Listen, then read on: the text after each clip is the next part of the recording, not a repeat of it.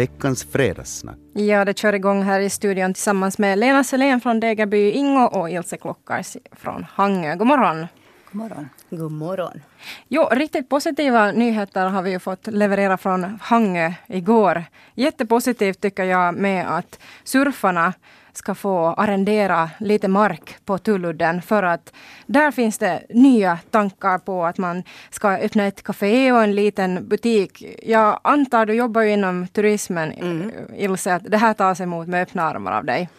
Ja, jag tycker nog att det är ett steg i, i rätt riktning, absolut. För att det, där, det har ju skett en massa positiva saker på Tulludden på de senaste åren. Förra våren kunde vi öppna Tulluddens naturstig efter många, många tiotals års väntan. Och det har ju varit en succé. Och södra sidan som vi pratar om nu, så den har ju redan i många, många, många år varit liksom populär bland vindsurfare, vågsurfare, kajaksurfare. Och i fjol fick vi ju en naturiststrand dit också. Så att, eh, på bägge sidor, på bägge stränder finns det mycket aktiviteter. Och varför då inte liksom förena de två och ha ett café som kan betjäna de människor som rör sig där. Och det att surfarna får det nu, det tycker jag är jättefint. Eh, vad, vad det exakt blir av det och hur det går att utveckla liksom på sikt, så, så, så det får vi se. Men, men ett steg, absolut ett positivt steg. Ja, tycker låter, låter det jättebra. Jag blev hemskt orolig när jag såg den där nyheten. För jag tänkte att oj, nu kommer det säkert någon som säger att oj, oj, inte nära oss. Men jag hoppas det inte blir på det sättet. Ja, det får vi hoppas. Det är ju, traditionellt har ju industrin och naturen tampats på Tulludden mm. och, och, och, slagits om, om utrymme. Men att det där, just idag så tycker jag det ser bra ut och, och, och, det finns en positiv, positiv sån här anda om man vill liksom kunna utveckla det på ett behärskat sätt. Ja, stranden är ju väldigt lång där men jag kan ändå tänka mig att det finns någon någon som ska gå och bada och som är lite rädd kanske att få en surfingbräda i huvudet. Men det är alltså skilda stränd, delar av den här stranden som är liksom tänkt att delas upp. Och, och det har det ju varit redan nu alltså. Ja. Redan nu när du kommer ner till den där södra sidan så där är först ett område för simmare och sen är det ett område för surfare och sen turister och sen är det nu lite naturskyddsområde där. Så att nu ryms alla, det är en lång strand. Ja, och det samsas redan ganska många där. Vad har ni för tankar? Nu har man som sagt eh, fått eh, till stånd en naturiststrand och nu får man lite mera bekvämligheter också för surfarna. Men det finns ju ännu massor med stränder kvar. Mm. Finns det ännu någonting som man skulle kunna hitta på med de här stränderna som skulle kunna vara eh, en bra grej för Ange? Hangöstränderna är underbara, det är mm. faktum.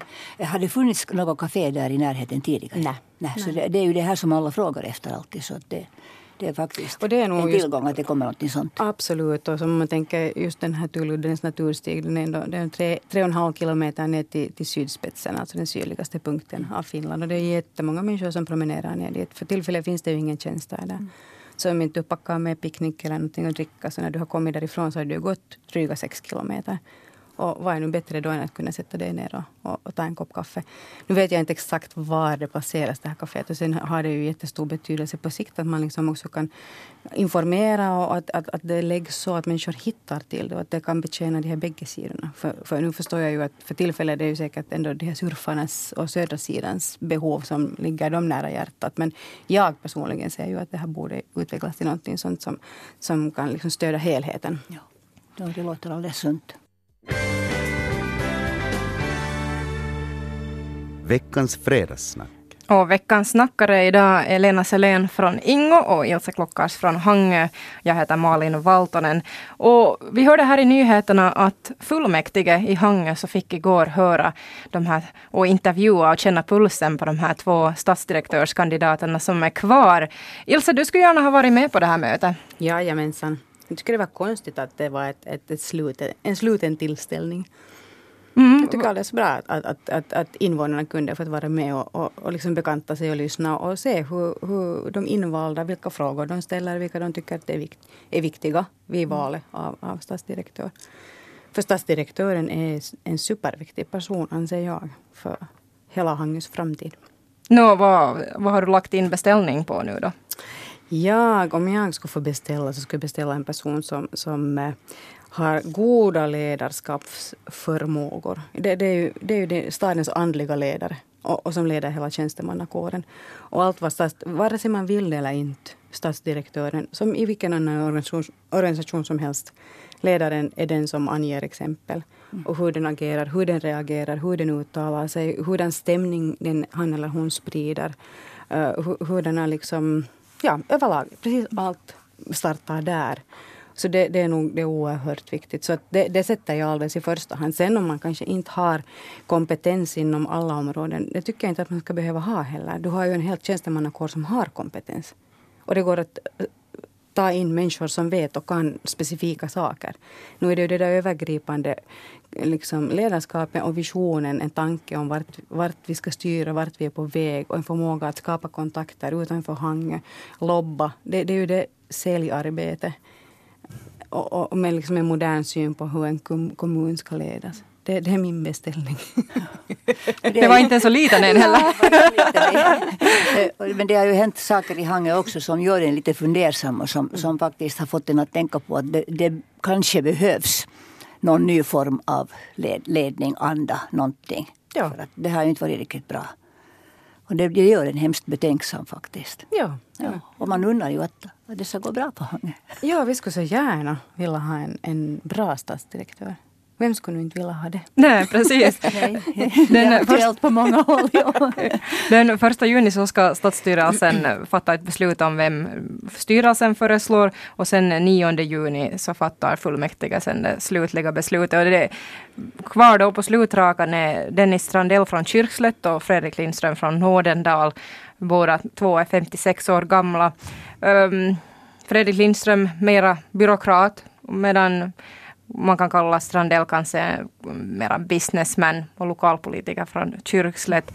Hur, um, hur eniga tror ni att politikerna i Hangö kommer att vara? Där är i maktställning kan man väl säga SDP med 11 mandat och SFP med, med 11. Så det är jämnt där i alla fall. Mm. Har, Så, ja. har de någonsin varit eniga? Men jag tyckte det lät ju lite lovande, som vi hörde nyheterna mm. här, att, att inte liksom partiboken nu skulle vara det som är avgörande, utan man faktiskt skulle vara ute efter, ute efter att hitta en person som man har förtroende för, som kan leda skutan, vid, styra skutan vidare. För, för nu tror jag ju att alla, alla, alla som är engagerade inom politiken i Hangö idag har, har liksom väldigt konkret fått känna på de problem kommunen tampas med och inser att, att, att det här beslutet måste vara så bra som möjligt. Ja, du tycker inte liksom att partibok spelar någon roll i det här? Jag tycker inte att partiboken får spela någon roll i det här sammanhanget. Det borde kanske inte spela någon roll. Nej, jag tycker att det får inte göra det. Att jag, är det. Är det så att det är det som avgör så då, då, då liksom kan vi lägga lapp på luckan. Alltså den mest kompetenta personen måste ju väljas. Ja, de beskrivs båda två som väldigt kompetenta mm. i alla fall mm. av fullmäktige mm. och ordförande och hörde vi här just i nyheterna. Men eh, i Raseborg och Lojo har man ju nyligen valt stadsdirektörer. Där i Raseborg så var det viktigt att hela fullmäktige skulle stödja den som valdes, medan i Lojo så röstade man i två omgångar och man var inte helt överens. Vad tycker ni, vad är viktigare i det här? Att, att, Men att måste göra? ju åsikterna få komma fram förstås. Huvudsaken är att man sen kan enas. För, för någon, någon blir ju ändå vald. Mm. Och, och, kan man då, ska, om det fortsätter då en sån här tvist efteråt så då är det tråkigt. Mm. Där tycker jag ju på något plan, eller jag tycker att det vore ha varit, varit väldigt viktigt att man skulle ha tagit in en utomstående bedömare. Mm. Som skulle ha bedömt den här personens kompetens, alltså en, en objektiv mätare. Det går ju att mäta hur bra människor är på att leda, hur bra människor är på visionärt tänkande, hur bra människor är på det ena och det andra. Då skulle man inte behöva förlita sig på sin egen magkänsla, utan man skulle ha mätare svart på vitt och efter det det kunde vara ett hjälpmedel i synnerhet i en sån kvistig situation där det är två jämna. För att man ska säkerställa det att man, att man, att man får det man, man liksom har beställt. Ja, de brukar ju göra sådana här olika test som heter olika saker som då är just som ska har olika parametrar som då blinkar att är det här bra eller är det dåligt. Att, det kan ju nog vara lite riskabelt också. Jag, jag är nog lite, lite tveksamt inställd. Det där kan, ena, ena året så kan, kan det funka väldigt bra på det sättet och andra året så kanske allting har ändrats. Det, ska, det är fel, alldeles fel parametrar. Så att det där kan nog vara lite riskabelt jag tycker också. Liksom, också, också på mellanchefsnivå i mindre företag till och med så, så, så utvärderas ju cheferna. Ja. Och, och då mäts du liksom på alla punkter, centrala punkter och du utvärderas. Och, och det är ju ett hjälpmedel också för dig som person att utveckla ditt mm. Arbete mot ett mer positivt håll. Och, och det där, jag kan inte förstå varför man inte skulle ta sådana hjälpmedel när de en gång finns. Och ofta har du som människa också kanske lite svårt att se dina riktigt, vad du är bra på och vad du är dålig på. Om inte, om inte du liksom, eller om någon kommer in utifrån om, mm. och, och, bedömer det så, så har du lättare att själv mm. också sen lägga tyngdvikt där var det behövs. Så varför inte? Jag kan liksom inte säga varför man inte skulle göra det. Jag kan ju bara konstatera att den som blir vald så kommer inte att komma in i en lätt sits där det är både hög arbetslöshet, där ekonomiska problem som i och för sig nästan var och varenda kommun tampas med förstås under de här tiderna. Men det är inte, det är inte lätt, det kan man bara konstatera. Har ni hört om regnbågsflaggan? Visst har vi hört, kunde, kunde man undgå det? ja, det finns väl någon som kanske har levt under en sten som har missat det här regnbågsförbudet. Det handlar alltså om um, Ekenäs högstadieskola som till en början förbjöd sin hejaklackat på stafettkarnevalen vifta med en regnbågsflagga. Från en, några inom lärarkåren och sen föräldrar hade klagat på att det är för politiskt. Mm. Vad har det här väckt hos er? Alltså de tog senare tillbaks det här beslutet, börja betona här. Så om, man, gick... om man nu ser på politik så tycker jag att det borde ju ha glatt väldigt många faktiskt. Att det här var en sån här färgskala som inte gläder herr, en viss herr Putin. Så det, jag tycker att det borde ha glatt ganska många. Men tydligen så hjälpte det inte utan det fanns fortfarande. Men å andra sidan så ska man ju nog komma ihåg en sak. Jag läste den här debatten som, som var på Yles sidor. Och den var ju ganska hetsk från båda hållen egentligen. Och risken i en sån här diskussion är ju alltid att om man är väldigt tolerant så fortsätter man och är väldigt tolerant så hatar man all intolerans. Och då är man inne i en farlig cirkel. Ja, de eh, toleranta är inte, ändå toleranta Nej, mot de är ändå intoleranta. Jag tycker att man ska kunna respektera varandras åsikter. Och det, det är kanske det som, som nog saknades i den här debatten helt och hållet. Folk har olika åsikter om saker. Mm. Jag tycker ju att det eh, känns väldigt medvetet och det känns som att den här klassen som ville ha det, eller den skolan som ville ha det, mm. är barn av sin tid. Mm. Och, och, och, jag tycker det var fint att skolan kunde reagera på, på det, att, att det faktum att, att eleverna liksom vill lyfta fram en sån sak. Det kunde ju också vara en miljöfråga. Ja. Eller, eller någonting annat, ja. en annan viktig viktig fråga, antikrigsfredssymbolen som också var det rektorn eller någon som nämnde. Och, och, och, det att man har, känner för och engagerar sig för saker, det, det kan jag ju inte säga att det är något negativt. Att ungdomar görs, faktiskt vill göra någonting mm. som känns viktigt för dem.